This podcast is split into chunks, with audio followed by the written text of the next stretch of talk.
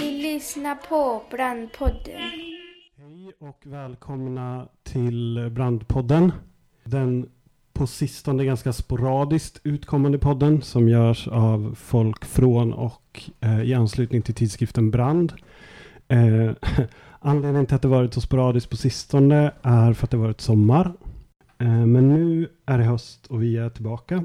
Jag heter Jonas och det är jag som eh, är den enda reguljära från poddredaktionen här idag. Eh, Sara är inte här utan eh, i Göteborg.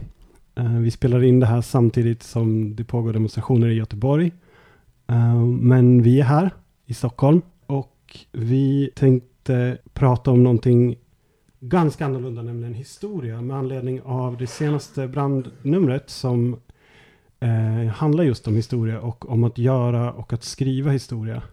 Och med mig idag för att prata om det har jag några medlemmar från redaktionen av numret. Det är dels Viktor, Hej hej. Lisa Jajamän. och Gustav. Hejsan. Välkomna. Tack. Tack. Tack. Ja, det finns ju mycket att säga om det här med vänstern och vänsterns relation till, till sin historia och, eh, och sådana saker. Men om vi börjar rent liksom bara konkret med det här numret. Hur, eh, hur tänkte ni kring numret? Eller liksom var, varför ett sånt här nummer just nu? Ja, det är ju såklart en fråga med många svar.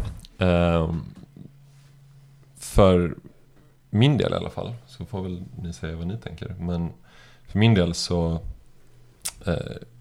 är det väl liksom dels är ett ett historiskt år på många sätt, 2017, som det här sammanfaller med. Eh, 100 år efter eh, den svenska revolutionen 1917, som det kommer att kallas numera. Eh, och såklart den ryska revolutionen, som ju var en, eh, en stor händelse i vänsterns historia. Mm. Eh, det är 150 år sedan eh, utgivningen Kapitalet. Det är liksom många sådana här historiska teman som, som diskuteras i år och som det görs mycket så olika arrangemang kring. Och på ett sätt passar det här numret bra in i det.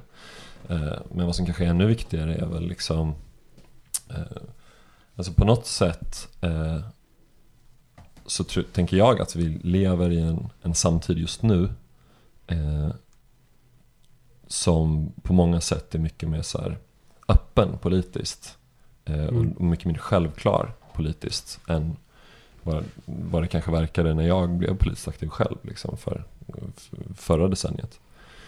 Eh, det är liksom många nya sociala rörelser som har formerat sig runt om i världen de senaste åren som har haft enormt stora framgångar. Eh, Det är liksom den, den staten och liksom, som vi har känt den under efterkrigstiden eh, har liksom på många håll mer och mer och mer så börjat hacka betänkligt i hur den fungerar politiskt med liksom statsbärande eh, tvåpartisystem som liksom kollapsar i det ena land, landet efter den andra och i och med det också liksom en ny reaktionär våldsam högers fram, framväxt, frammarsch eh, i parlamenten och eh, fram, ja, framförallt egentligen i parlamenten.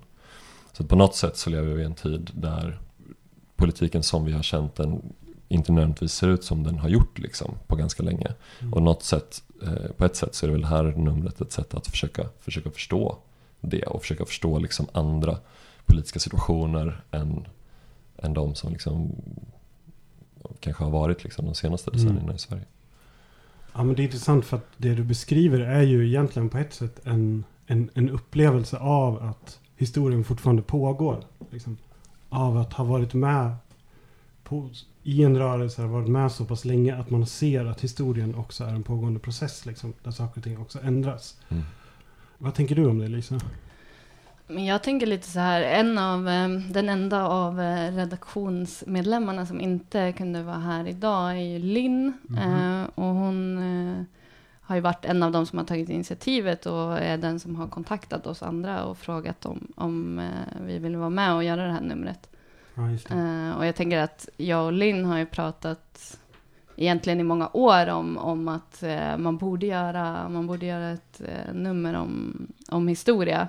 Men också på något vis utmaningarna med att göra det på ett sätt som känns eh, liksom relevant och intressant även för eh, de som inte kanske är lika intresserade av historia som, eh, som jag är. Eh, att göra det liksom relevant för den rörelse som vi är en del av idag. Ja. Och, och hur resonerar ni kring det? men jag tror att det är väldigt mycket av poängen också med att fokusera inte bara på historia i bemärkelsen saker som har hänt förr, utan, eh, utan eh, prata om historia som eh, någonting som man gör och som görs hela tiden och som görs också eh, med eh, tydliga eh, agendor. Liksom. Mm. Eh, att historieskrivning helt enkelt är, är en del eh, av, eh, av vår samtid. Liksom. Och Mm. att beroende på vem som skriver historien så kommer den se väldigt olika ut. Eh, Mm. Gustav? Nej, men jag, jag håller ju med både Viktor och Lisa här. Alltså det jag tycker är styrka någonstans med en tidskrift som Brand, det är att den, den har ett rörelseperspektiv, den är ändå förankrad i någon sorts social rörelse, alltså en vänsterrörelse. Men det är också en av få publikationer nu som låter den utomparlamentariska vänstern att liksom ta ett steg tillbaka och analysera saker lite djupare. Och det gäller inte bara det här numret utan alla nummer av Brand egentligen. Och eh, därför tyckte jag också det var intressant att få vara med och göra ett sånt nummer. Eh, jag tror, som Viktor sa, vi in, liksom, vi är i ett läge där, där historien verkar gå ganska snabbt. Den så att säga, den rör sig lite på sin dåliga sida skulle man också kunna säga. Det känns som att den, den går åt en framtid som ser mörk ut i många hänseenden med så här växande fascism och en fortsatt stark nyliberalism och så vidare. Och då finns det också väldigt stor anledning att, att försöka analysera situationen vi är i grundligt. Och eh, delvis tycker jag vi lyckas göra det med det här numret. Som till exempel ha en liksom längre artikel om hamnarbetarkamp i Göteborg som inte bara kollar på vad som har hänt de senaste månaderna när det är en jättekonflikt där just nu utan tar ett steg tillbaka och kollar på liksom en hundraårig utveckling och ser vad man kan lära av det och så för att förstå dagens situation.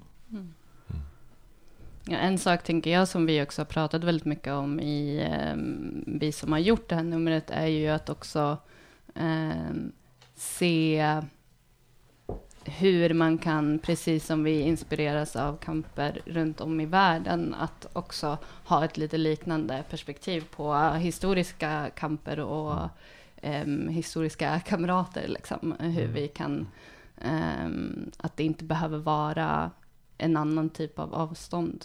Bara för att det är ett tidsligt avstånd och inte en, ett rumsligt avstånd. Liksom. Mm.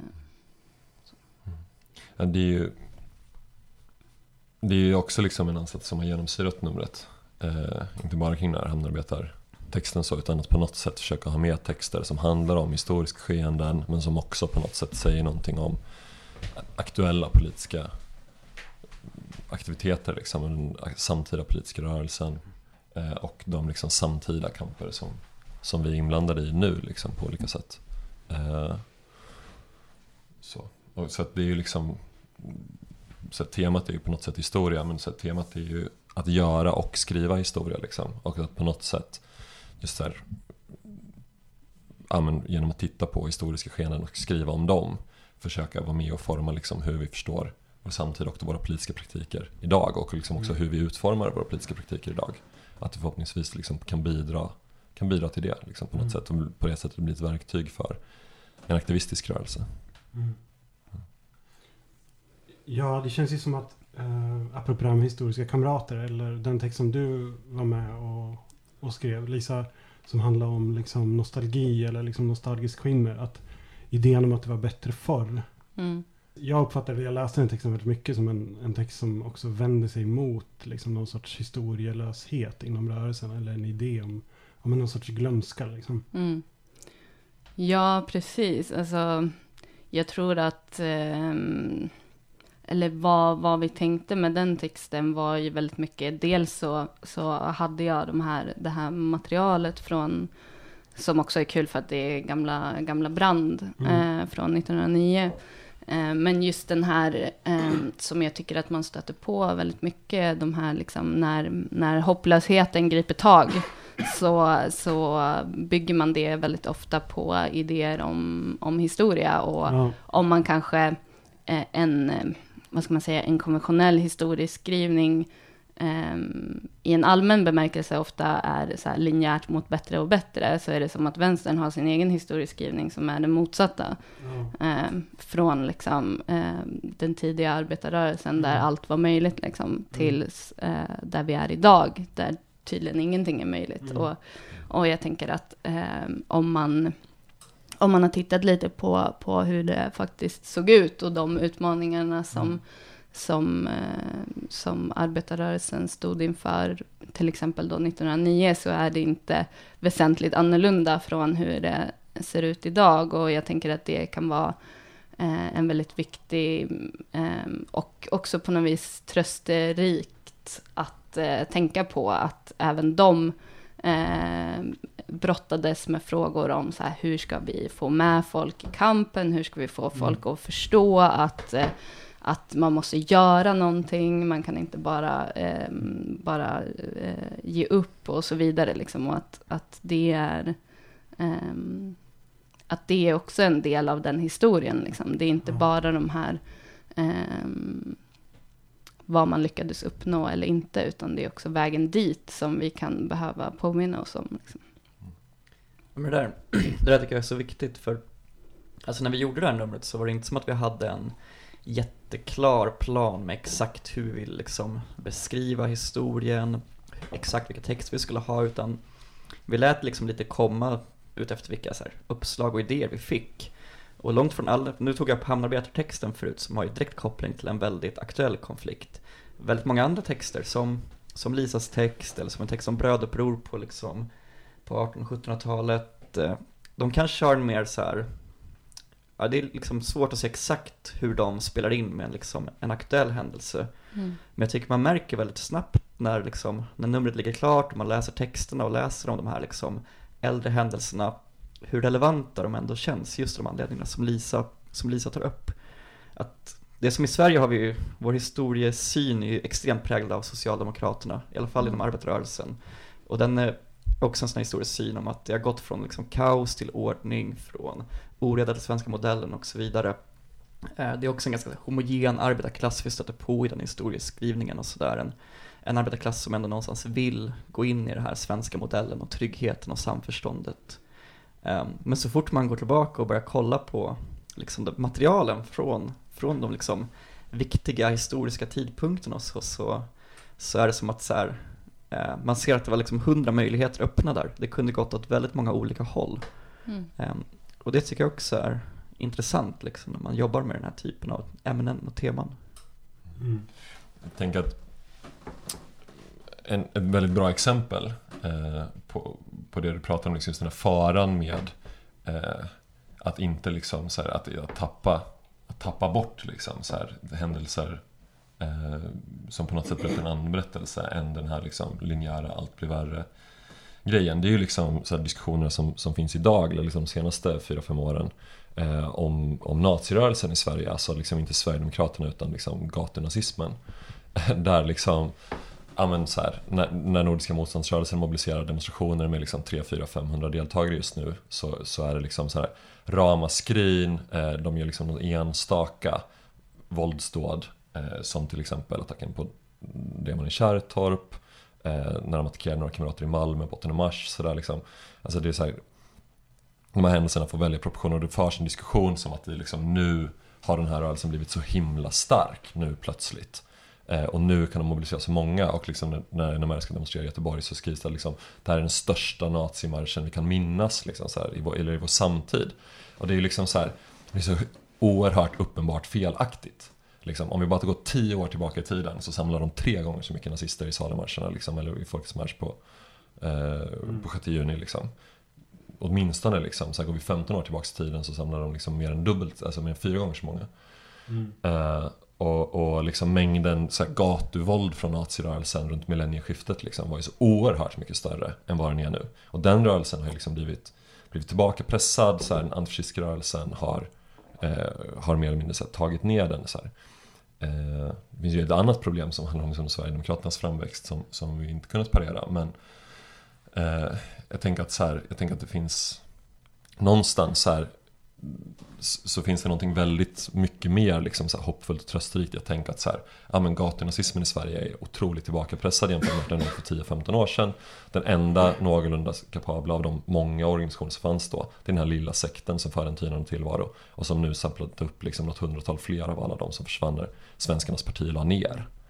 Eh, och det är liksom bara 10-15 år tillbaka i tiden och det är kamper som vår rörelse var direkt involverade i liksom. Och ändå är det någonting som, som helt försvinner i liksom någon slags berättelse om att allt, allt blir värre och att allt blir svårare. Mm. Eh, jag tror att det, det är livsfarligt liksom. Att det är viktigt liksom att, eh, att komma ihåg eh, de utmaningar vi har stått inför eh, och de segrar vi har vunnit.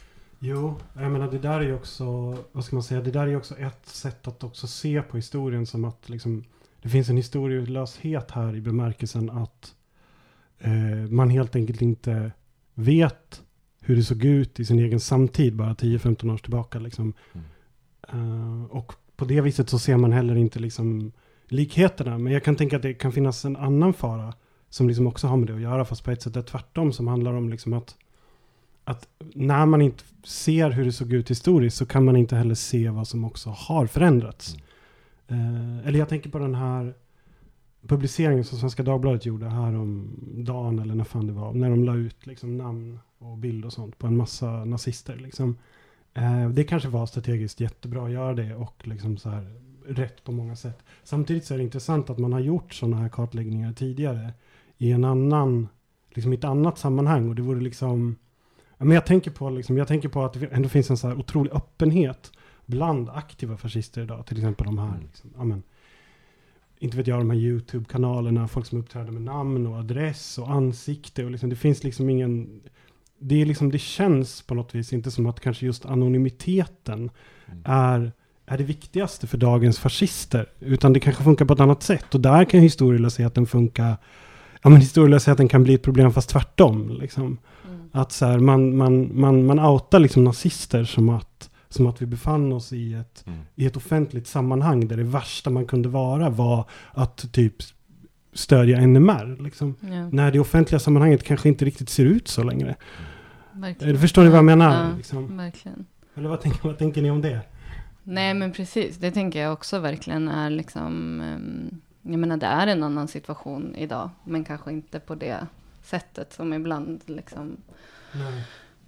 Förs fram. Och jag tänker att så här, på många sätt så, ehm, så, så tycker jag att det är eh, en mer oroande tendens med, ehm, mm, vad kallade de sig, de som stod upp för Sverige, de som gick till Medborgarplatsen Ja, Eh, eh, och viftade med, med svenska flaggor och, och de som protesterade på... mot eh, de afghanska ungdomarna som Precis. sittsäkrade. Och för den, den eh, det är ju en typ av liksom rasistisk rörelse som just är väldigt så här, offentlig och väldigt så här, o, oblyg.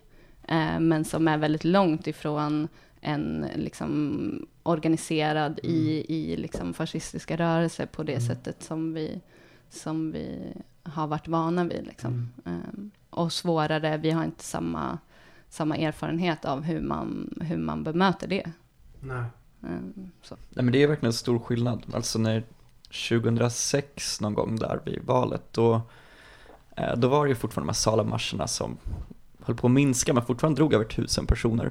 Och väldigt mycket så här opolitiska ungdomar som liksom ville demonstrera mot våldtäkter och sådana där saker.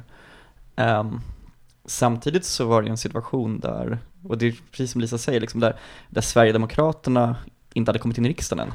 Alltså jag kommer ihåg jag och mina kompisar ordnade en demonstration utanför Haninge kommunfullmäktige mot att Sverigedemokraterna hade kommit in med 4,1% i kommunfullmäktige då i Haninge. Ja. Eh, och politikerna kom ut där till oss och sa så här nu, nu ger ni dem bara uppmärksamhet, det är det här de vill, om ni bara väntar i fyra år så är de borta. Mm. Och det, liksom, det var fortfarande en sån stämning. Man kände knappt Sverigedemokrater, det var någon Mm. så här i klassen liksom, på gymnasiet som sa att den var det, men det var liksom ovanlig hållning ändå. Det var nästan vanligare att vara skinhead, liksom en sverigedemokrat bland, Mm. bland det man såg utåt. Eh, så det är som liksom olika, olika historier där. Från gatumilitansen har gått ner ändå, även om de är väldigt våldsamma, de som finns kvar. Mm. Eh, den allmänna rasismen har gått upp. Så det är väl både positivt och negativt, den här utvecklingen. Men här känns det också som att det handlar om någonting som har att göra med liksom samtidshistoria. Liksom att det finns någonting i närhistorien som, är väldigt, som kan vara väldigt svårt att få syn på. Eh, men jag tänkte på den här texten som, som du hade, de intervjuerna som du hade gjort, Mm. Viktor. Eh, där är liksom också, där är åtminstone, det det är intervjuer med två personer som har varit aktiva inom den utomparlamentariska vänstern eh, efter 60-talet. En 70-talet och en 70-80-talet kanske man kan säga. Och en ur, ur liksom den ganska typisk 90-talsvänster liksom. Och det känns som att, eller i början av den artikeln så skriver du någonting om att liksom försöka få syn på vänsterns historia från den egna rörelsens historia från 60-talet fram tills idag liksom. Mm. Och som jag kände både, både samtidshistoriskt kan vara ganska svårt att få syn på. Eh, även om det nu för tiden har skrivits ganska mycket om 60-talet och sånt. Mm. Liksom. Men, men att det också kan vara svårt att få syn på den egna rörelsens Mm. liksom, närhistoria. Ja, det är det ju. Och det, det var väl tanken liksom lite med, med, med det projektet. Och också just att, jag vet inte, att på något sätt så hoppades väl jag att det skulle dyka upp, dyka upp trådar som gick att följa liksom. Så här, eh, Nisse Kalén som han hette, som jag intervjuade först då, som var med och grundade förbundet Arbetarmakt 73. Och då hade varit aktiv i några år innan då liksom i någon slags anarkistvänster då, post 68. Eh, så, historien i liksom den här artikeln börjar, börjar just 68 med att Nisse pluggar statsvetenskap så här, vårterminen 68 och politiserar. Sen det var väl inte bara det som, som politiserade honom. Eh, hoppas han lyssnar på det här så kanske han får, komma en mejla och rätta mig efteråt. Men eh, och, och liksom någon slags kontinuitet därifrån fram till liksom millennieskiftet och, och, och liksom den rörelse som vi kanske mer känner idag. Det är Mm. såklart ett, ett oberättat kapitel. Det är mycket som hänt som millennieskiftet. Det är över 15 år sedan nu. Eh, men att på något sätt så tänkte jag väl att liksom jag kan hoppas att det, att det dyker upp liksom röda trådar som på något sätt går att följa eller spåra. Som, som finns liksom på i 90-00-talsvänstern och som vi kan känna igen än idag. Men som också går att känna igen redan liksom i, i en ytterligare tidigare rörelse. Eh, det är ju i Sverige, alltså det finns ju historiskt ytterligare längre tillbaks, finns det ju någon slags anarkiströrelse mer. Så, som är verkligen så anarkistisk med stort A. Eh, med liksom, ja, med folk som var Spanienfrivilliga på 30-talet och liksom som var grundade SAC och liksom den, den traditionella historiska anarkismen som ju på något sätt hade sin storhetstid eh, innan andra världskriget och, och, och inte riktigt liksom finns kvar på samma Mm. sätt liksom efter det. Så finns det ju såklart kvar mycket folk idag liksom, som identifierar sig med det och, och på något sätt ser sig som arvtagare till det. Men som ju ändå på något sätt är liksom marginaliserad jämfört med liksom den, den mer liksom eh, ja, det, det som man kan kalla, idag kan kalla den autonoma eller postautonoma Mm. rörelsen. Men en sak som är intressant med den artikeln Ja. tänker jag, att framförallt i intervjun med han Nisse liksom, är ju också att eh, han var med i den här förbundet Arbetarmakt. Mm. eh, som är borta sedan länge liksom. Och de förde vidare någon sorts tradition liksom, med som jag uppfattar någon typ av glapp däremellan. Ja. Till, eh, till folkmakt liksom. Eh, som ju också är en organisation som är borta. Liksom, och eh, den här andra personen som du intervjuar har väl liksom, hon pratar om att på slutet så gick folk från SUF in i SAC och sådär. Men, men jag tänkte på när jag läste den, liksom så här, en fråga liksom så här, okej men om vi, om det finns en historielöshet eller en, min, liksom, en, en minnesförlust i rörelsen liksom. Ja. Som det ändå känns som att den artikeln på något vis handlar om. Så undrar man ju också så här, okej men var ska det här minnet sitta någonstans? Mm. För att organisationerna kommer upp och sen försvinner de. Och liksom vem är det som ska minnas? Är det hur... Att det också kan ha delvis ha att göra med den här temporära organisationsformen. Liksom. Att det, Mm. det finns, det är liksom en minnesförlust, den är nästan inbyggd i, Mm. i det. Eller fattar ni känslan? Vad, Mm. vad tänker ni om det? Liksom? Ja, men det tror jag. Alltså, det är ju verkligen, jag menar de här stora mm, eh, organisationerna som nu kanske liksom är på utdöende. Men, men de har ju en, en styrka som den typen av organisationer, alltså jag tänker LO, SAC eh, SAC, Ja. eh, det som, en styrka som, som de har är ju just eh, historien. Liksom.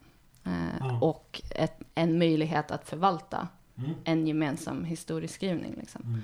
Mm. Eh, och eh, där har ju den mer liksom autonoma rörelsen är större utmaningar just med tanke Mm. på de här mer tillfälliga organisationsformerna som har sina fördelar, men, men just när det kommer till, till historia och bygga vidare på en gemensam historia så är det ju större utmaningar med det. Liksom. Ja, mycket av de, liksom, om man tänker liksom, autonoma institutioner i Sverige, liksom, eh, om man tänker någon slags organisatoriskt minne, så är ju, tänker jag att det är ju kopplat dels till ja, men kring, kring eh, publikationer, ibland är ju ett bra exempel på det. Eh, det har ju liksom funnits andra sådana ansatser att bära liksom, rörelsens gemensamma kommunikation och infrastruktur, så här, motkraft under många år. Eh, som nu har återuppstått också. Eh, som no någonting som man samlades kring. Och sen också eh, så finns det ju också en infrastruktur runt eh, ja, men just liksom så studieorganisationer mer, eller liksom informationsorganisationer, alltså typ eh, bokkaféer. Tänker jag på liksom, så här, jag växte upp i Jönköping och så här, bokkaféet i Jönköping är ett, ett bra exempel på på liksom en, en kulturbärande institution och liksom en, en institution som på något sätt också bär ett organisatoriskt minne. Det finns ju här i, i Stockholm i form av Café 44, Info. Eh, Cyklopen kanske liksom håller på något sätt bli ett, en sån institution också. Eh, det finns andra exempel runt om i Sverige. Liksom. rörelsens avlagringar lite grann på något vis. Liksom. Precis, men också så mötesplatser som är kvar där folk kan fortsätta. Men är det nog? Får- Tänker du att det räcker? Eller? Jag vet inte om det räcker liksom, men jag tror att det är där någonstans man kanske kan få syn på det. Mm. Mer än i liksom, i liksom organisationer. Så. Alltså det, det som man skulle kunna hitta liksom inom SAC Mm. eller inom Vänsterpartiet eller någonting. Liksom. Alltså någonstans tror jag att eh, så länge som det som är den utparlamentariska vänstern i bred bemärkelse är så liten och marginaliserad så, så kommer historien se ut på det här sättet, eller förhållandet till historien. Alltså LO, ett sånt liksom, en sån koloss kan, de liksom har sin, liksom, sitt historiska arv av hävd. Det är liksom, de är det naturliga sättet att organisera sig på arbetsplatser och så vidare. Det är liksom institutionaliserat liksom i, i lagform i vissa fall som så här medbestämmande lag och sånt som de liksom har ett helt, en hel organisation för att kunna liksom interagera med. Um, när det rör sig mer om aktivistgrupper, enskilda människors så här, ideologiska övertygelse, en ideologisk övertygelse som kanske går på tvärs med hur de flesta andra ser på saker och så, då blir det betydligt svårare att ha liksom det här arvet. Ehm, vi har ju inte heller haft så mycket tradition inom utomparlamentariska vänstern så här, föra vidare inom familjer eller kvarter eller den typen av Mm. institutioner som man kanske kan se i vissa andra länder. Där det finns tydligare så här, ja men farmor var ju antifascist och farfar var det och mamma var det och pappa var det, därför måste jag vara det och så vidare. Mm. Ehm, därför blir det lite så här att folk upptäcker historien lite då och då. Jag menar, Mm. om man pratar om till exempel förbundet Arbetarmakt och senare Folkmakt så finns det ju en tredje grupp där som är förbundet Arbetarsolidaritet som ju fortfarande finns. Mm, exakt. Ehm, och som uttryckligen är inspirerad av förbundet Arbetarmakt när det kommer till den här stridsfonden, alltså en, en pengafond som de samlar in för att kunna ge till strejkande och kämpande arbetare som, som inte får stöd av fackets stridsfonder. Och då är det ju som att de har liksom läst historiska protokoll, kanske pratat med folk som var med där på den tiden och liksom blivit inspirerade. Så då är det liksom en annan typ av historia eller kontinuitet än LO. liksom. Ja, det är mer informell kontinuitet skulle man kunna säga. Ja men visst. Men jag tänker att det finns också en massa, en massa, massa problem med den här historiska lasten, tänker jag också, som de här gamla organisationerna Mm. har. Eh, men jag vet inte, en sak som jag verkligen har tänkt på mycket på sistone, i, eftersom jag också liksom politiskt organiserad, har varit just också det här mötet på något vis. Att man möts ofta och så har man ett stort möte och sen så ses man liksom. Och de som är där är de som fattar besluten. Och det är väldigt demokratiskt. Samtidigt så, så finns det liksom inte så mycket som följer upp. Liksom, jag kan ibland uppleva det som att vårt organisatoriska minne, vi snackar inte år. Vi snackar att vi typ, ibland känns det som att man inte, man kommer ihåg föregående protokoll. Mm. Period. Liksom. Kan det ibland kännas som. Liksom. Och det är, för mig är inte det riktigt tillräckligt. Liksom. Jag tror att jag behöver, jag kan inte svara på vad man ska göra åt det just nu, men ja, jag vet inte. Känner ni igen det? Absolut. Är det bara jag som Absolut. Jag, jag bodde i Spanien ett, ett, eh, ett halvår för några år sedan. Eh, och var så jävla imponerad av att, eh, att medelåldern på liksom aktivister där var så jävla hög. är? Ja. Alltså det är liksom ändå så en rörelse som Som jag hängde med då som ja, runt ockuperade sociala center i, i Madrid som jag verkligen kunde identifiera mig med politiskt. Liksom. Jag tänker att så här, ja, men vi, vi, vi har läst samma texter, vi har fört samma sociala kamper. Eh, vi, har liksom, vi har väldigt mycket gemensamt, men alla de var så här, tio år äldre än mig. Inte alla, men liksom väldigt många. Eh, och var fortfarande liksom involverade på, på ett annat sätt. Eh, och, eller ännu äldre, liksom, sådär. och på ett sätt som man inte ser så mycket i Sverige. Mm. Jag tänker att det där är också liksom en, en, en typisk svensk grej liksom på något sätt med en väldig en omsättning på folk. Eh, och en, en ständig liksom, alltså en, en kontinuerligt låg medelålder som ju på något sätt Ja. som på något sätt liksom, ja, fortsätter Mm. reproduceras liksom om och om igen. Men det har ju också med, Absolut. det har, och det är ju ett problem med hur rörelsen ser ut säkert liksom, men det har ju också att göra med vilka liv folk lever typ. Alltså, jag kommenterade det här till, till några spanska kamrater där liksom, och det de säger så här, "Ja, men Viktor vi lever ju som ungdomar. Så här, alla är arbetslösa, ingen har barn. Eh, det är liksom, den sociala situationen är väldigt annorlunda liksom. Något sätt så här, att hänga på en skåt som så här, 33-årig småbarns, alltså ar- heltidsarbetande småbarnsförälder i Sverige är ju inte så jävla Alltså det, det, det, det finns ju någonstans liksom sådana aspekter på det också liksom. Nej, man behöver inte vara förälder för att känna att man har vuxit ifrån det. Liksom. Nej, nej, inte det heller liksom. Men alltså på något sätt så handlar ju liksom den liksom, socioekonomiska kontext man lever i eh, formar ju också liksom ens, ens politiska praktiker Mm. och liksom rörelsers sociala sammansättning. Och det, eh, det där är ju ett, det är ett utpräglat svenskt problem som har att göra med typ låg arbetslöshet och, och bra föräldraförsäkringar och grejer liksom, sånt som vi egentligen är för. Mm. Eh, Men det är klart att det också är någonting som vi på något sätt måste hitta vägar eh, att, för att anpassa oss till som, som rörelse och på något sätt liksom kunna, vill, vill man växa som politisk kraft måste Ja. man ju på något sätt kunna involvera folk som inte är typ så studenter eller arbetslösa. Men jag tänker att det, vi kanske inte behöver gröta ner oss i det, men att det också... Ja, det är verkligen, det är verkligen jag tror att du är inne på rätt spår där. Att det är en kombination av, ja men både av, av vilka som har varit med, eller så här, men också hur, ja men hur rörelsen ser ut, hur, hur organisationerna ser ut. Själva idén om aktivism, liksom massa sådana saker som också på något vis kräver ett, ett, ett ungdomsliv liksom. Och som gör att rotationen av folk blir ganska stor också liksom. Men det där, jag tänker det där kan ju vara både en styrka och svaghet, eller ni har båda varit inne på det. Så jag bodde i Berlin, hade så här liknande erfarenhet som Viktor, det här med väldigt mycket äldre kamrater som varit med sedan 80-talet och liksom fortsatt leva det här livet liksom. Ehm, men de är ju väldigt fast i sina gamla taktiker väldigt ofta. Det är deras Mm. nackdel. Och de är ganska medvetna om det, att de liksom lite har Alltså typ i Berlin så är det styrkan i Kreuzberg Neukölln liksom. Ja. Som är deras sista liksom, där de har mycket ockupationer fortfarande, där de bor allihopa och där de liksom besitter en faktiskt reell styrka i liksom, i den stadsdelen. När det kommer till dess utveckling och vilka som kan ha demonstrationer där och så vidare. Men de är ju väldigt oförmögna till att nå ut till nya bredare grupper, ens på sina liksom, större demonstrationer och sånt. För att de kan dra 10 000 människor på första maj, men, Ja. Men det är liksom inte de nya kidsen som kommer dit. Precis, alltså liksom det historiska minnet kan ju vara en last också på det sättet liksom. Det är ju också någonting som i de här intervjuerna som Mm. eh, ja, den aktivisten som ville vara anonym som jag intervjuade om, om just liksom den autonoma miljön i framförallt Skåne då på 90-talet eh, tog upp liksom, alltså att någonstans så här, man, det var en rörelse som hon upplevde att hon kom med i Eh, som på många sätt stod för liksom någonting radikalt annorlunda än den politiska organisering hon hade sett under sin uppväxt, liksom, de politiska former som hon på något sätt tyckte fanns i övrigt så, när hon var så här, tonåring och började, började organisera sig. Eh, eh, och det var ju liksom jättestyrka för den rörelsen i att kunna attrahera eh, så här, politiskt, politiskt intresserade ungdomar som ville liksom engagera sig i, eh, i att bekämpa fascismen, i att, liksom, eh, i att kämpa kring, kring alla de frågor de jobbade med.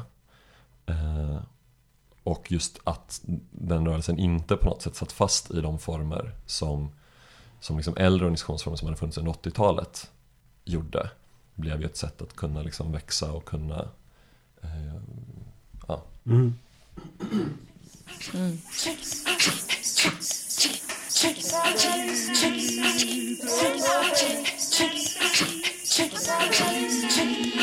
Lyssnar på Brandpodden. Jag tänker väldigt mycket på historien också som, som någonting som man behöver för att man också ska förstå vad det är som man gör som inte längre fungerar. Och där tänker jag framförallt så är det väldigt uppenbart tycker jag vad gäller arbetsmarknaden.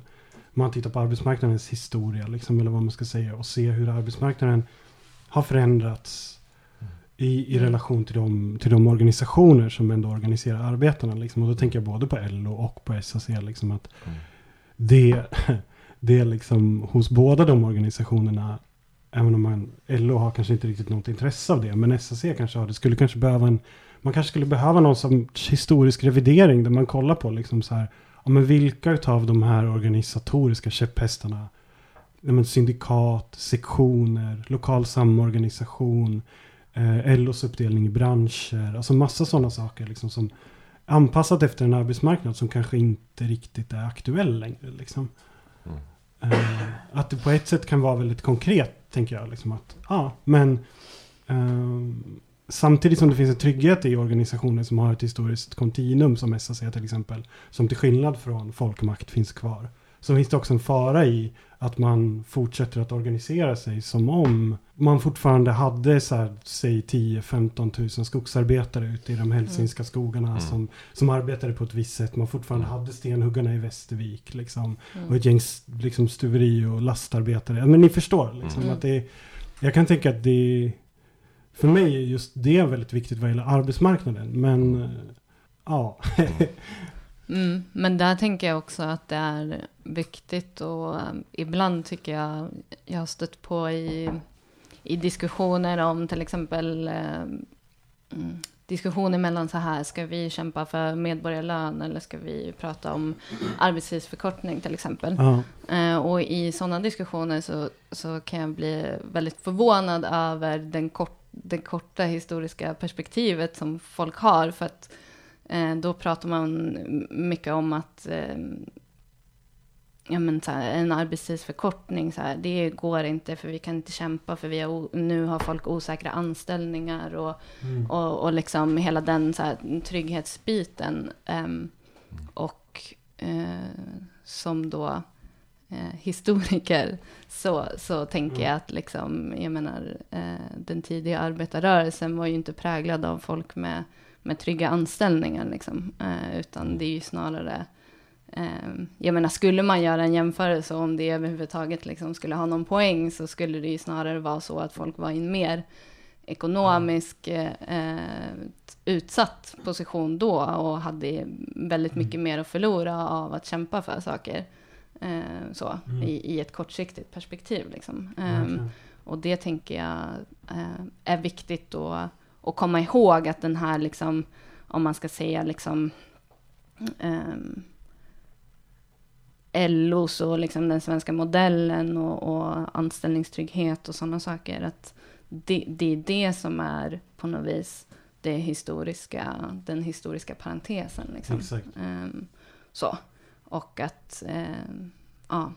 Ja men det är ju det där som gör att man kan komma med så man hamnar i så märkliga situationer där man typ, eller jag kan känna det ibland när jag läser vissa delar av, av, av ja men typ Marx till exempel, kapitalet liksom att även om, även om man inte alls håller på med ångmaskiner och spinnmaskiner och liksom eh, jordränta liksom, så kan man på ett sätt känna igen sig mer i den situationen av hur han beskriver till exempel hur, hur industrin bara suger in folk och sen utvecklas den jättefort. Och sen så det som människor typ har har eh, anpassat sig efter att arbeta med blir liksom direkt inaktuellt och liksom den här fluktuationen så här jättemycket arbetslöshet och Mm. liksom att det finns någonting i beskrivningen av situationen där som jag på ett sätt kan känna igen mig i mer än i den här liksom långsamt stigande, alla får det bättre och bättre som liksom Mm. den här, så här 50-tals berättelsen av, av hur det är att arbeta och leva i ett kapitalistiskt samhälle. Mm, vi har ju med en text om, om, eh, om arbetsmarknadens förändring den senaste tiden. Eh, om, som handlar om, eh, om anställningsbarhet, om anställningsbarhet liksom, som idé. Om liksom, så här, idén om en, en ny arbetsmarknad som uppstår liksom, någonstans 80-90-talet. Eller så här, som utifrån liksom, eh, liksom den politiska ekonomiska utvecklingen på 80-talet så är det plötsligt ett, här, en idé om att nu har vi plötsligt en ny arbetsmarknad. Då behövs det liksom nya människor, nu behövs det anställningsbara människor. Liksom. Eh, och om hur, hur man på olika sätt försökte liksom göra människor eh, till liksom anställningsbara människor. Mm. Eh, på något sätt så. Det handlar om en, en, en specifik arbetsmarknadsåtgärd som, som gjordes på 90-talet som kallades datorteken. Och liksom en, en poäng med den texten det är ju liksom också någonstans hur så här, eh, hur den där utvecklingen på något sätt inte är så här oundviklig och någonting som, liksom, som bara har hänt så. Eh, att liksom så här hela, pre- vi kan kalla det prekarisering liksom. Eh, eller nyliberalisering eller vad man vill kalla det. När vi, pratar om liksom det, när vi pratar om det på det sättet så blir det som den här historiska kraften som på något sätt bara har liksom, på något sätt omformat samhället. Så. Men vad som egentligen har hänt är ju liksom massor med liksom beslut, konflikter och strider som har fattats och liksom så policy typ. Eh, som, som i verkligheten har omformat arbetsmarknaden rent konkret. Liksom, så här, villkoren är annorlunda. Det är en annan grej. Eh, men också så här, medvetandet är annorlunda och folk måste förhålla sig på ett annat sätt till sig själva. Eller få lära sig att förhålla sig på ett annat sätt till sig själva. Eh, än, än vad det var tidigare. Eh, och det är ju liksom på, på ett sätt sätter ju också fingret på ja, så öppenheten mm. i sådana scenarion med. Liksom. Alltså att på något sätt, det här är inte saker som hände med nödvändighet och som inte gick att liksom undvika på något sätt. Utan det var saker som hände för att liksom olika beslut fattades och olika former av motstånd misslyckades eller inte fanns. Liksom. Eller så.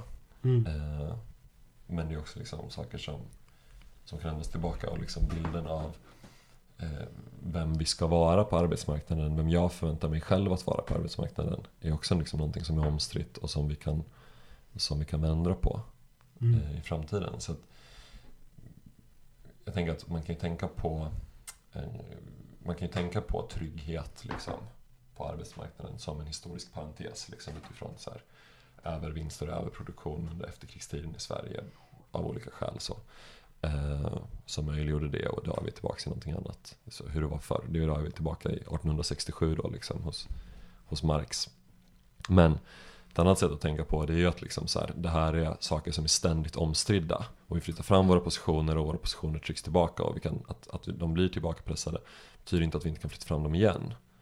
Eh, så, liksom de historiska förutsättningarna som kommer att råda nästa år, det kan vi liksom inte veta nu. Nej. Utan liksom på något sätt så är ju, alltså just den här liksom förändringen och liksom att, att sätta fingret på hur mm. förändringen mm. händer konkret på mikronivå visar ju också på liksom hur förändringen är fortsatt möjlig på mikronivå. Ja. Uh, att det finns en historisk öppenhet som, ja. som mm. ni pratade om innan. Liksom. Alltså ibland när man typ pratar med socialdemokrater och så här, folk som blivit skolade i LOs utbildningshelger och sådana där grejer. Um, det låter ibland på dem som att de tror att LO alltid organiserat 85% av arbetskraften. Som att det alltid har varit ett skitstort förbund som liksom har varit, eh, som arbetsgivarna alltid varit väldigt rädda för. Det stämmer väl så tillvida att de ändå varit störst liksom sedan de bildades. Med typ om man kollar på så storstrejken 1909 mm. um, så det är liksom den största konflikten dittills då i Sveriges historia. Och LO satsar allt för att liksom få igenom sina krav. Uh, och de förlorar så jävla stort. Och inte bara det, de tappar typ en tredjedel av sina medlemmar eller vad det är, Lisa kan säkert bättre Hälften tror jag. Hälften till och med. Mm. um, Så liksom um, Men de hade ändå en liksom långsiktig plan för att fortsätta ta upp arbetet efter det nederlaget. Mm. Men det är ju inte alltid, de liksom förlitar sig väldigt mycket på en organisationsmodell som ter sig lite utdaterad i dagens osäkra arbetsmarknad och de verkar tro att den organisationsmodell man kört med hittills alltid har varit liksom på plats och fungerat. Det ju... mm. Jag tänker att det är viktigt att, att komma ihåg också att det inte är ibland när vi utanför den reformistiska rörelsen eh, då kritiserar den reformistiska rörelsen så blir det ibland också väldigt eh, ensidigt liksom innanför de här kolossorganisationerna och eh, så vill vi peka på motståndet liksom utanför. Eh, men jag tänker att, att det är viktigt att komma ihåg just eh, konflikterna inom. Alltså jag menar både inom eh, det socialdemokratiska partiet och eh, inom LO om man tittar liksom på, på tidigt 1900-tal så är det ju liksom en strid inom de organisationerna om vart de är på väg och hur relationen ska, jag menar det som vi känner idag som kanske eh, ganska centraliserade och toppstyrda organisationer, så var det ju inte eh, då. Och eh, vägen dit var ju långt ifrån eh, oproblematisk för de här organisationerna. Och eh, ja. Men det där är så, jag tänker nu på Brands framsida story så här att det är anarkistisk tidning sedan 1898. Ja, det är intressant. Sanningen är ju att det är en socialdemokratisk tidning från 1898 Exakt. fram till Mm. 1906. Då den blir någon sorts eh, ungsocialistisk som det kallades. Och, alltså anarkismen i Brand, det är ju liksom långt senare det blir fastställt. Även man kan säga att det var en anarkistisk strömning inom socialdemokratin i någon mening. Mm. Mm. Det visar ju ändå att det fanns, eh, det fanns en otrolig bredd i den tidiga arbetarrörelsen. Men om man liksom, jag vet det är lätt som du sa nu Lisa. Jag tänker på det här som du sa alldeles nyss med, med eh, kritisera LO och sådär utifrån. Liksom, Mm. att så här, eh, jag håller absolut med om det. Det har ju alltid funnits massa olika tendenser inom, inom socialdemokratin. Mm. Och vad en socialdemokrat är idag är ju inte samma som liksom när Lenin var socialdemokrat. Liksom. Mm. Men, men jag tänker att det är ju också... Jag tänker att en poäng, en jätteviktig poäng med den här samtidshistorien, liksom i relation till vår egen rörelse, som jag tänker att den här texten som, som du, intervjun Viktor, som du har hållit på med, liksom, eh, en viktig poäng med den är ju också, tänker jag, att få syn på också den egna autonoma rörelsen och se vilka, ja, var någonstans är, vilka, vilka grejer är det som vi reproducerar som är kanske ja, men historiskt utdaterade. Liksom. Ehm, jag tänker typ att ehm, jag, tänker på, jag tänkte på tilltalet till exempel i den här situationist. Ni har, ni har eh, låtit trycka de här 12, 14 teser om Pariskommunerna av situationistiska internationalen.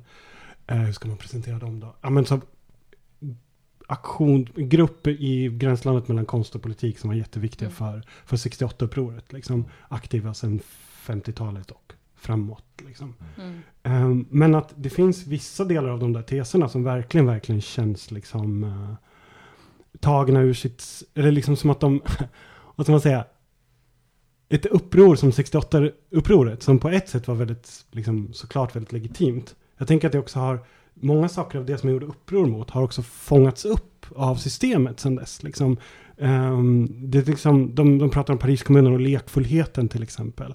Det, eller liksom, eh, det jag tänker att så här, ehm, vissa saker kring typ så här lekfullhet, uh, fant- fantasin till makten som var ett slagord 68. Eh, flera av de här käpphästarna under 68-rörelsen som också vi till viss del har fört med oss i den autonoma rörelsen. Idag är en, en del av liksom, kapitalismen och den kapitalistiska exploateringen. Liksom, av vår Mm. kreativitet till exempel.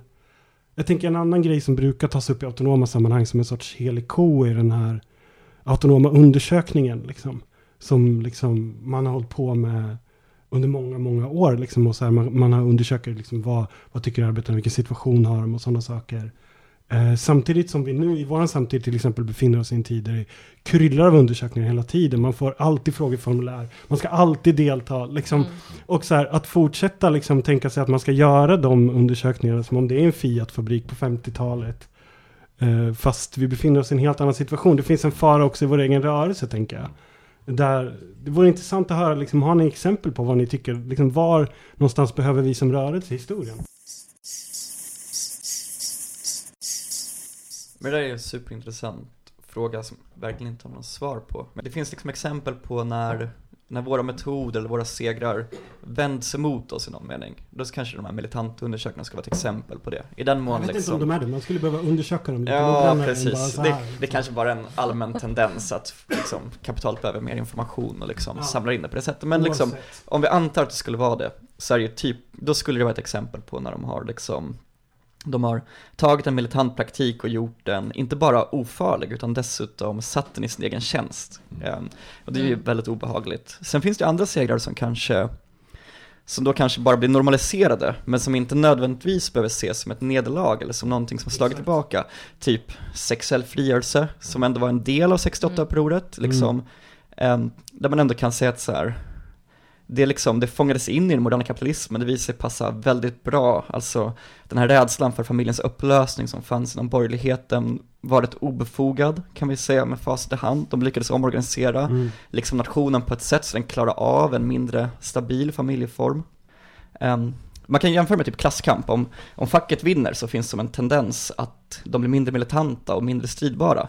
För att liksom, de får igenom sina krav och människor slutar fightas och de kan liksom gå på och glömma hur det gick till liksom, där de från början fick sin makt. Jag tänker att när det kommer till en ren sexuell avvikelse så kanske, så kanske det inte funkar på samma sätt. Då är det ju typ, ja men om folk tycker det är mer accepterat med homosexualitet, som exempel, liksom, som var väldigt omstritt ändå för inte alls så länge sedan, eh, så kanske fler vågar testa det och det liksom förstärker sig självt liksom som tendens. Om ni förstår vad jag är ute efter. Så är det ju tveklöst. Alltså, Så. det är ju någonstans, eh, alltså om man bara så här, mängden könsidentitetsutredningar som görs inom, inom Mm. den svenska sjukvården liksom, idag jämfört med för fyra år sedan så är det liksom så Mm. ökat med flera hundra procent typ. Eh, utifrån liksom någonstans transrörelsens framgångar. Så. Eh, det är väl, det är väl liksom ett solklart samband. Och som också i någon mån så här rekupererar så här, Hollywood tjänar pengar på The Danish Girl och liksom så här, eh, ja, så här, personer som så här, Caitlyn Jenner kan liksom så här, tjäna hur mycket pengar som helst på att liksom så här, exploatera sin, sin transidentitet. Eh, men liksom det, det betyder inte att det inte också är en verklig frigörelse som handlar om att så här, människor kan typ så leva sina liv. Liksom. Alltså någonstans jag vet inte om det var det du är inne på Gustav, liksom, men någonstans här så är det ju också segrar som har varaktiga resultat och som också öppnar upp nya horisonter. Någonstans kan man också fundera på så här, om det inte hade varit för mainstreamifieringen av eh, av Pride, hade, vi, hade det då funnits ett utrymme för en kritik av liksom så här homonormen inom hbtq-rörelsen? Hade det då funnits ett utrymme för liksom så här transrörelsen att flytta fram sina positioner, så, eller liksom transfeminismen? Eh, och liksom, alltså på, på någonstans fanns finns inte en sån dialektik. Och också typ så här, när The Danish Girl plötsligt blir så här, en Oscarsvinnare. Eh, så öppnar det också upp ett enormt utrymme för kritik av massa aspekter av den filmen. Mm. Eh, som på något sätt kan flytta fram positionen ytterligare. Mm. Alltså, så varje gång saker rekupereras så öppnar det ju upp ett utrymme för Mm. en, en mer avancerad kritik. Ah, ja, men nu, nu har de rekupererat den här aspekten. Men då kan vi Mm. liksom kritisera den utifrån det här och plötsligt öppna upp, öppna upp för nya kamper. Mm. Eh, så jag tycker att just liksom de där 68 grejerna, det tänker jag är en svinviktig poäng. Eh, att liksom, vad det gäller den sexuella frigörelsen, vad gäller liksom, eh, ja, men liksom den antirasistiska rörelsens framgångar i, i eh, Nordamerika och Europa eh, från och med 60-talet. Ja, nej men jag tänker att det där är ju också exempel på, um, vad ska man säga, det är ju också exempel på segrar, tänker jag. Men att ganska ofta så är det ju ändå så att jag tänker att vi i vår rörelse också, ja men faktiskt reproducerar grejer där vi, vi, vi faktiskt inte alls segrade. Eller liksom historiska misslyckanden. Att det kan vara svårt att få, ja det kanske kan vara svårt att skilja ibland på vad som är en seger, vad som är ett misslyckande liksom. Men jag tänker att ja, men kampen om arbetet och kampen, kampen mot kapitalismen har vi ju faktiskt förlorat eh, väldigt många gånger. Eh, och där, där tänker jag att de senaste 30 åren faktiskt också man måste erkänna att det är på många sätt och vis har vi, har vi förlorat mark där liksom som, som Mm. organiserad klass liksom och att vi också måste, det måste man också ta in på något vis liksom och, och där tänker jag att det här med samtidshistoria är sjukt viktigt och att det finns det kommer från, jag tycker den här, alltså jag tycker jättemycket om de här Ferrante-böckerna till exempel, just också därför att de beskriver, alltså Elena Ferrantes, min fantastiska väninna, de handlar om Italien. Just därför att de också beskriver, hon gör ett försök att, att liksom skriva en samtidshistoria, liksom, som också till stor del är vänsterns historia och till viss del också den autonoma vänsterns historia. Liksom eftersom vi tar väldigt mycket av, ja, men vi drar väldigt mycket från den utvecklingen i Italien under den perioden. Liksom, och, och det finns väldigt många det figurerar till och med en autonom undersökning eventuellt i hennes böcker. Liksom. Som är, det är väldigt intressant att se hur de, hur den, liksom, hur de hanterar de här misslyckandena. Liksom, så här.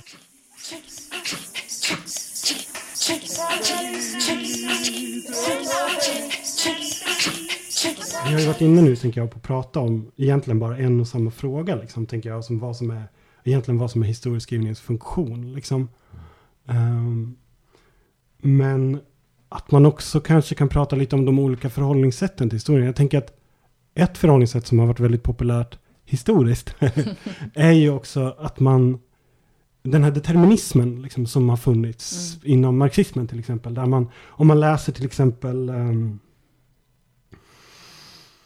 men om man läser typ Motståndets estetik av Peter Weiss till exempel. Eller liksom liknande skildringar av kommunister under 1900-talet. Liksom, ehm, så finns det också en otrolig, en otrolig tro på historien. Liksom, Mm. och en, en, en idé om historien som en gemenskap. Liksom. Ehm, och jag menar på ett sätt så här, ja men visst. eh, det är klart man inte kan tro att vi, liksom historien kommer att föra oss till seger. Som man kanske trodde på 1900-talet. Liksom. Samtidigt så är det ju, jag tänker att det kanske är något som går förlorat där också. Liksom. Nej men det är väl, det är väl helt riktigt skulle jag säga. Alltså till exempel, nu pratar vi liksom storstrejken 1909 och sådär. Alltså då var ju Socialdemokratiska partiet väldigt influerat av en viss tolkning av Marx som drevs av Karl Kautsky som var den tyska liksom, arbetarledaren. Som var extremt deterministisk. Mm. Som i princip sa att historien går framåt mot en punkt där produktivkraften, alltså teknikens utveckling, kommer att hamna i konflikt med produktionsförhållanden, alltså de kapitalistiska redaktionerna i samhället. Och det kommer leda till en revolution där arbetarklassen kommer vinna och vi får socialism. Mm. Det finns en otrolig eh, styrka att liksom luta sig tillbaka mot när det går riktigt jävla dåligt. Att man vet att vi kommer vinna på sikt i alla fall. Mm. Och i den meningen tror jag att det fyllde en rent organisatorisk funktion också. Alltså någon, en så här grundtrygghet att eh, när man får stryk överallt och hamnar i fängelse och tappar medlemmar och sådär, att man ändå kan övertyga varandra som i en liten sekt, bara att det är en sekt med miljontals medlemmar över Europa och resten av världen. Mm. Ehm, att eh, det är ändå vi som har rätt här och, liksom, och det kommer visa sig också för alla. Historien kommer ge oss rätt. Ja men precis. Mm. Uh, och sen finns ju en annan sorts styrka som kanske då mer den anarkistiska och utmanatariska rörelsen har lutat sig mot, som är den här loser, loser-mentaliteten, Mm. som är väldigt spridd. Alltså så här, en excess vi då pratade om när man fick, blev skjuten i Kronstadt, när vi blev lurade av kommunister i Madrid 1936 under spanska revolutionen. Ja, stalinister, du ser. så, ehm, och så här att man har hämtat lite kraft från det. Liksom, Mm. till exempel SAC verkar ju vara en organisation som i perioder har byggt väldigt mycket av sin medlemstillströmning och styrka i att de ändå representerar en alternativ historisk utveckling i Ja. Sverige. Och att det liksom, det har varit väldigt många medlemmar som har varit med där, inte på grund av att det är en fackförening, men för att det är en institution som slår vakt om det här anarkistiska arvet i Sverige. Mm.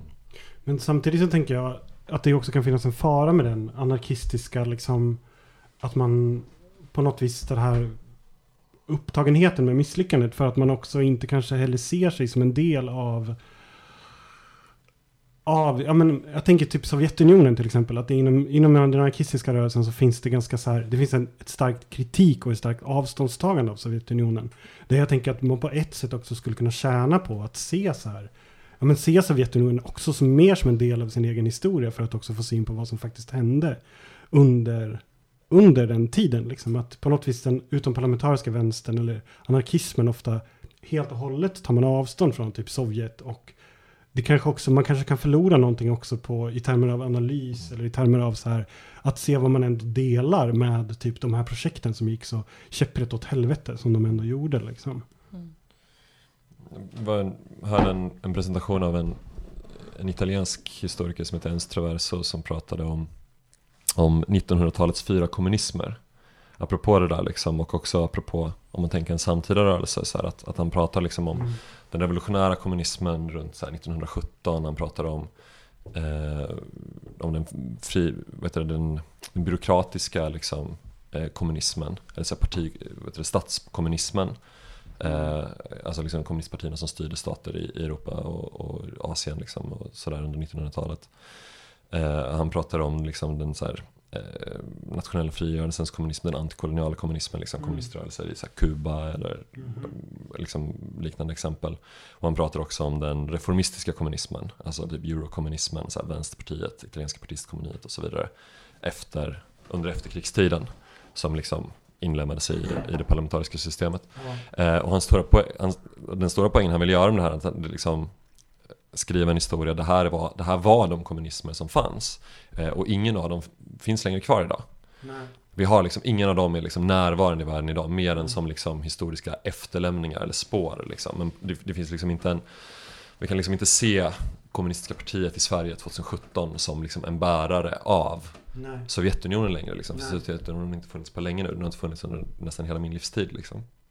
Eh, eh, så att liksom jag tänker att det där är en så himla viktig poäng liksom, på något sätt. För att just det du pratar om, den här upptagenheten av historiska konflikter inom vänstern eh, Mm. mellan olika strömningar. Det är ju på något Mm. sätt också en upptagenhet av, av någonting som inte finns längre. Alltså liksom den konflikten mellan Alltså liksom så här, jag vet inte, majdagen i, i Barcelona liksom, eller vad det nu är man, man, man är sur över. Mm. Alltså ingen av de aktörerna finns kvar idag. Vi har inga anarkistiska massorganisationer liksom, och vi har ingen, eh, vi har ingen partikommunistisk stat eh, som, som kan bråka med varandra utan någonstans har vi en annan historisk situation där vi måste liksom på något sätt återskapa alla de här begreppen. Det finns liksom ingen det finns liksom ingen, ingen mening idag eh, annat än liksom, vad ska man säga, rent identitetsmässig, liksom, ideologiskt identitetsmässig. Samtidigt så svarar de ju på liknande frågor tänker jag. Mm. Eh, jag tänker typ om man tittar på, eh, man tar Lenin som ett exempel. Liksom, jag tänker att Lenin väldigt ofta svarar på frågan kring så här, okej, hur kan vi hantera ett maktvakuum? Hur kan vi hantera det här, liksom så här, makten efter revolutionen, liksom, den konstituerande makten. Liksom. Mm. Och jag menar, jag tänker att en sån fråga, typ så här, okej, inte bara så här, vad behöver vi göra fram till revolutionen, utan alla de här diskussionerna kring så här, hur renar vi folket, alla de här sakerna går ju också igen. Jag menar, jag tänker att Lenin går igen i, hos, hos här, på Demos, liksom, på ett kanske, som jag de är tycker ju då- leninister. så- Ja, men på ett, på, jag, jag tycker på ett mindre, mindre konstruktivt sätt kanske. Men, Mm. men att de frågorna också går igen typ i, ja men i Tahrir-protesterna till exempel. Att det saknas en, det saknas liksom någon som kan, som kan kliva in och, och konstituera en, en, en organisationsstruktur för, för en revolution. Och då träder kontrrevolutionära krafter in som liksom, ja men alla, alla de här diskussionerna oavsett vad det görs, tänker jag att de ändå svarar på liknande frågor som är äh, Mm. högst aktuella i samtiden idag. Liksom. Men att en sån där syn som du, liksom, de här, att det också handlar på något vis om att kunna befria de här, men jag vet inte, befria de här diskussionerna från, från sitt historiska sammanhang för att kunna göra dem aktuella för en själv på något vis och för våran, våran rörelse tänker jag. Mm. På något vis. Mm. Mm. Men jag tänker att väldigt mycket har hänt också på den. Ibland tänker jag så här. Tänk om man hade varit med 68 eller något sånt liksom när, när eh, eh, alla var vänster och liksom det fanns tusen eh, valmöjligheter och liksom eh, så. Eh, och samtidigt så tänker jag så här vilken tur att jag är politiskt aktiv i, idag för att det finns så mycket jag menar om man då kunde välja på att vara stalinist, leninist och maoist liksom, så är de liksom, de, eh, ja men de, det, det är en helt annan spelplan idag och jag tänker Mm. att det är över hela, hela skalan av vänster. Alltså jag menar Ja. oavsett om du är med i, i um, sossarna eller är Mm. anarkist eller är, är kommunist så finns det en helt annan öppenhet idag kring liksom, Ja. man behöver inte välja vilken gubbe man ska följa liksom. Och det gäller verkligen, tror jag, över hela, över hela den skalan liksom. Och det tror jag är en väldigt, väldigt fördel liksom, eh, framåt. Om man tänker sig den histor historia som vi skapar nu. Ja. Eh, att den är mycket mindre låst till Exakt. enskilda ideologer. Liksom. Ja. Eh, och det tror jag. Och på så vis också är mer bra. öppen för framtiden kanske. Ja. Liksom. Och mer anpassningsbar, Ja. mer liksom öppnar upp för helt andra liksom allianser och, och sådana saker liksom. Ehm, Mm. Det där tar ju Nisse som var då förbundet Arbete och Makt, han blev intervjuad i senaste brand. Han tar upp det här med Chile-demonstrationerna, hur mm.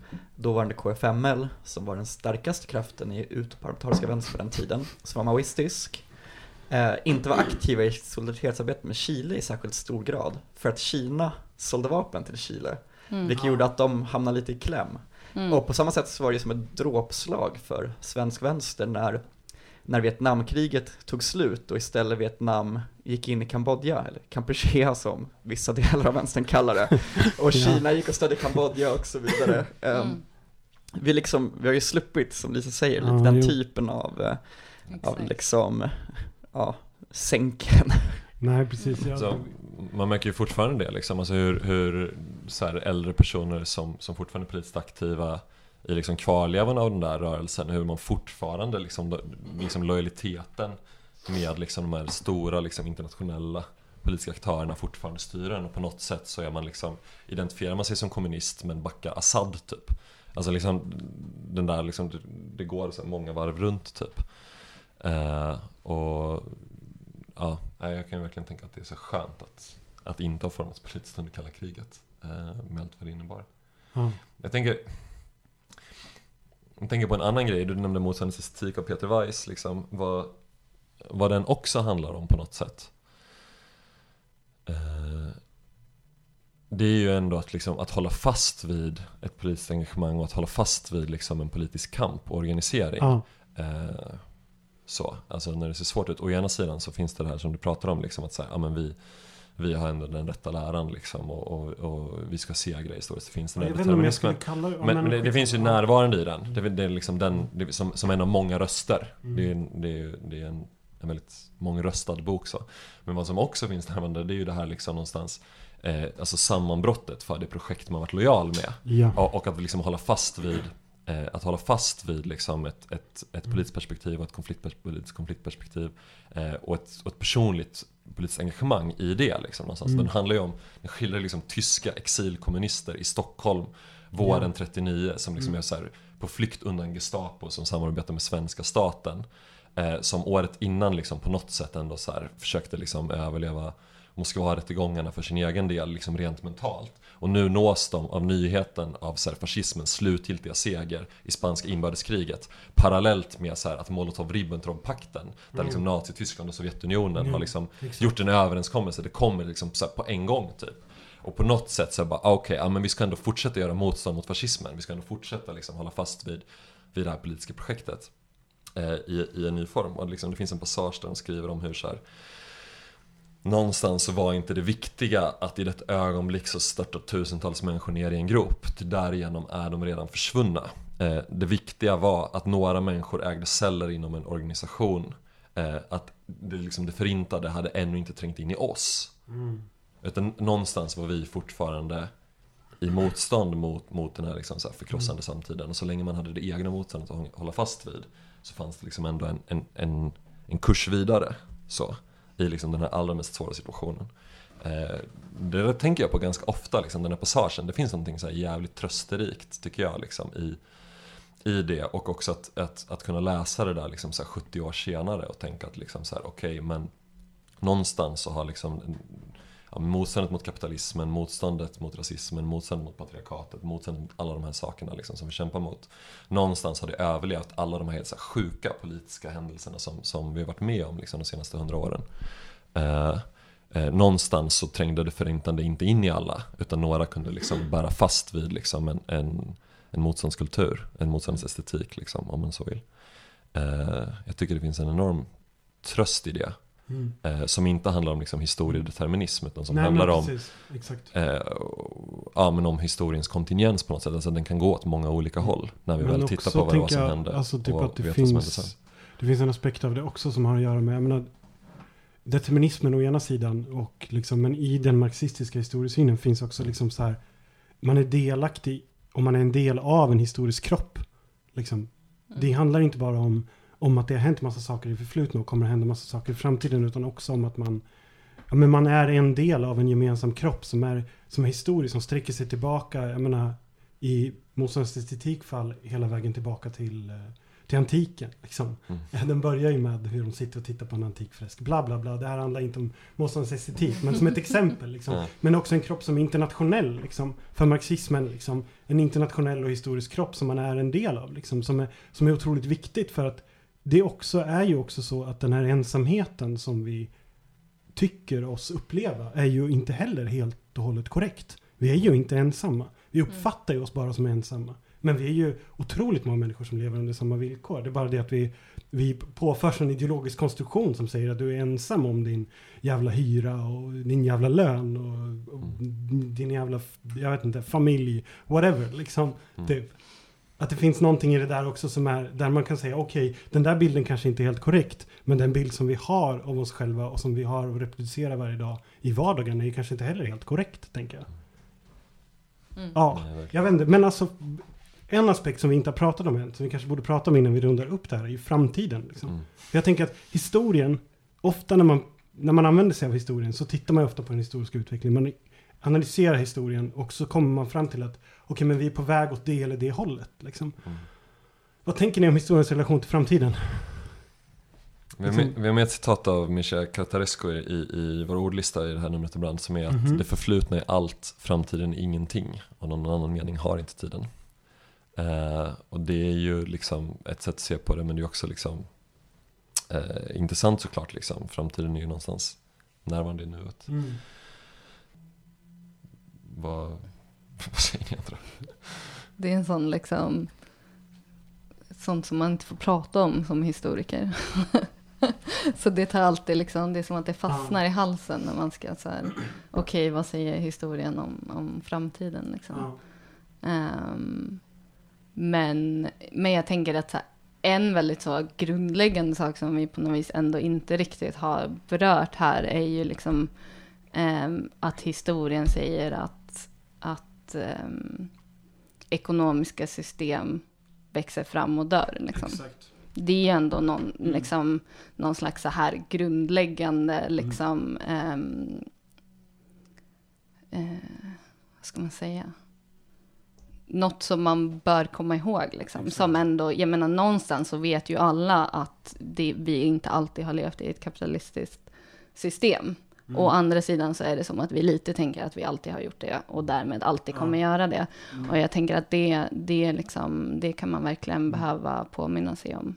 Det är den ena grejen, tänker jag, av de här grundläggande grejerna. Och den andra grejen är att mm, de här historiska skiftena, eh, man kan prata om revolutioner och man kan prata om omvälvningar eller mm, liksom vad man nu än vill kalla det, så är ju de också, jag menar, det är ju i efterhand som de framstår som, som brott. Eh, det är inte i, i samtiden som de, som de uppfattas som, som tydliga brott. Och det handlar inte om, om att imorgon så ser världen annorlunda ut, utan, eh, utan det historiska perspektivet gör ju också att eh, vi kanske är en, eh, en del i en historisk omvälvning just nu. Men det kommer vi inte liksom kunna greppa. Eh, och jag tycker att så här, det finns väl ändå mycket som, som tyder på det. Sen vad, vad, det, vad det är för ett brott och vad som väntar, liksom, det är ju kanske inte givet. Liksom. Nej, Så. det är väl upp till oss förhoppningsvis Exakt. på något Ja. plan i alla fall. Mm. Gustav? The future. Nej men, eh, ni har ju sagt det så bra liksom. Nej men alltså, jag håller med liksom att eh, det som, eh, det vi ändå försöker kolla på i det här numret och som ändå är huvudintresset i stort är ju eh, när historien förändras, alltså i någon mening där det sker en, ja, men ett brott med tidigare historia. I den meningen är allt politiskt arbete en sorts så här, ehm, reaktivt arbete eller ett liksom arbete mot historien. Alltså vi vill, Mm. vi vill ändå ändra något, i alla fall om man är revolutionär. Så, här, så kapitalismen har en viss kontinuitet, den har hållit på i så här 200 år i Sverige eller något, beroende på lite på hur man räknar. Precis som välfärdsstaten har sin historia, den liksom uppstod någon gång i början av 1900-talet och har haft sin glansperiod, nu har den sin nedgångsperiod och så vidare. Det finns massa sådana här olika historiska hastigheter och liksom nivåer som rör sig och vi försöker ju på olika nivåer att bryta dem och liksom få en annan sorts utveckling. Eh, kortsiktigt kanske liksom slå tillbaka nazister i Göteborg den här helgen, som många av våra kamrater och gör just nu. Långsiktigt för att liksom, ja, organisera samhället på ett helt annorlunda sätt. Um, men jag antar också att uh, man, man måste ha någon sorts relation till sin samtid och historia, alltså förstå var vi befinner oss, uh, var makt finns, hur man skapar motmakt och hur man tar makten framför allt. Alltså, um, den typen av historiskt och samtida arbete måste göras för att på ett liksom bra sätt kunna, kunna ändra historien i förlängningen. Så. Mm. Mm. någonstans så, ja, men som jag sa precis i början, någonstans så lever vi också i en tid just nu där eh, mycket av det som har tagits för givet eh, under en hyfsat lång tid, det är liksom åtminstone ja, men så här, i, vår, i vår geografiska närhet så, eh, är satt ur spel. Någonstans så är liksom händelsehorisonten bredare. Liksom. Vi kan, det är så mycket fler politiska utvecklingar som känns liksom möjliga att föreställa sig idag än vad det gjorde Mm. för bara tio år sedan. Eh, så jag vet inte, liksom, ibland så kan man titta på så här, utvecklingen på lokal nivå i Spanien och tänka att så bara, fan, om, om inte så länge så kommer vi ha makten. Typ. Och ibland så kan man titta på valresultat från, från Tyskland och tänka att så här, jag kommer vara landsflykting inom tio år. Typ. Eh, att allt det där är ju på något sätt i spel. Eh, och det vi kan göra är ju liksom att, att, att fortsätta att hålla blicken vid vårt eget motstånd, hur det passar in i samtiden, hur det passar in i, i liksom, eh, den sociala verkligheten som vi försöker förstå den. Eh, utifrån det vi vet om historien och utifrån det vi vet om, eh, om samtiden och de rådande förhållandena.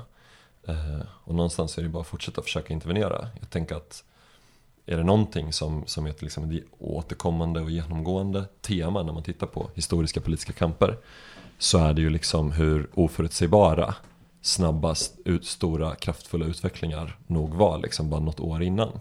Mm. Eh, och så är det ju nu med tänker jag. Liksom, att så här, vi, vi kommer nog väldigt sällan kunna känna oss säkra i förväg på vilken grej det är vi gör som kommer få ett starkt genomslag. Eh, utan det kommer liksom visa sig helt enkelt. Och det kommer också mycket väl kunna vara så att det är saker som, som vi inte på något sätt är inblandade i som ändå får en enorm betydelse och som öppnar upp utrymmen för oss att, för oss att handla i som vi inte hade Mm. kunnat föreställa oss. Eh, och det tänker jag är en stor tröst liksom, att tänka på, på historien när man tänker på framtiden. Att liksom eh, vi kan liksom inte läsa den eh, i samtiden helt och hållet så. Men om vi fortsätter kämpa så kommer liksom nya möjligheter att kunna uppstå.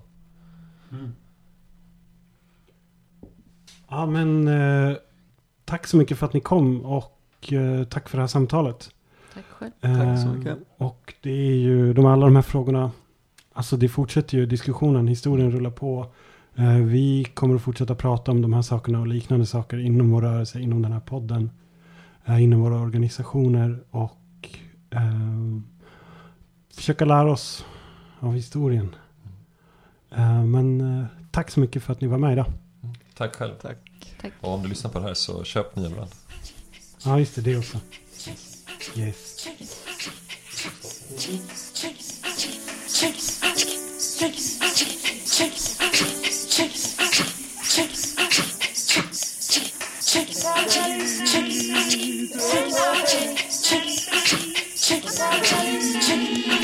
Lyssnar på Brandpodden.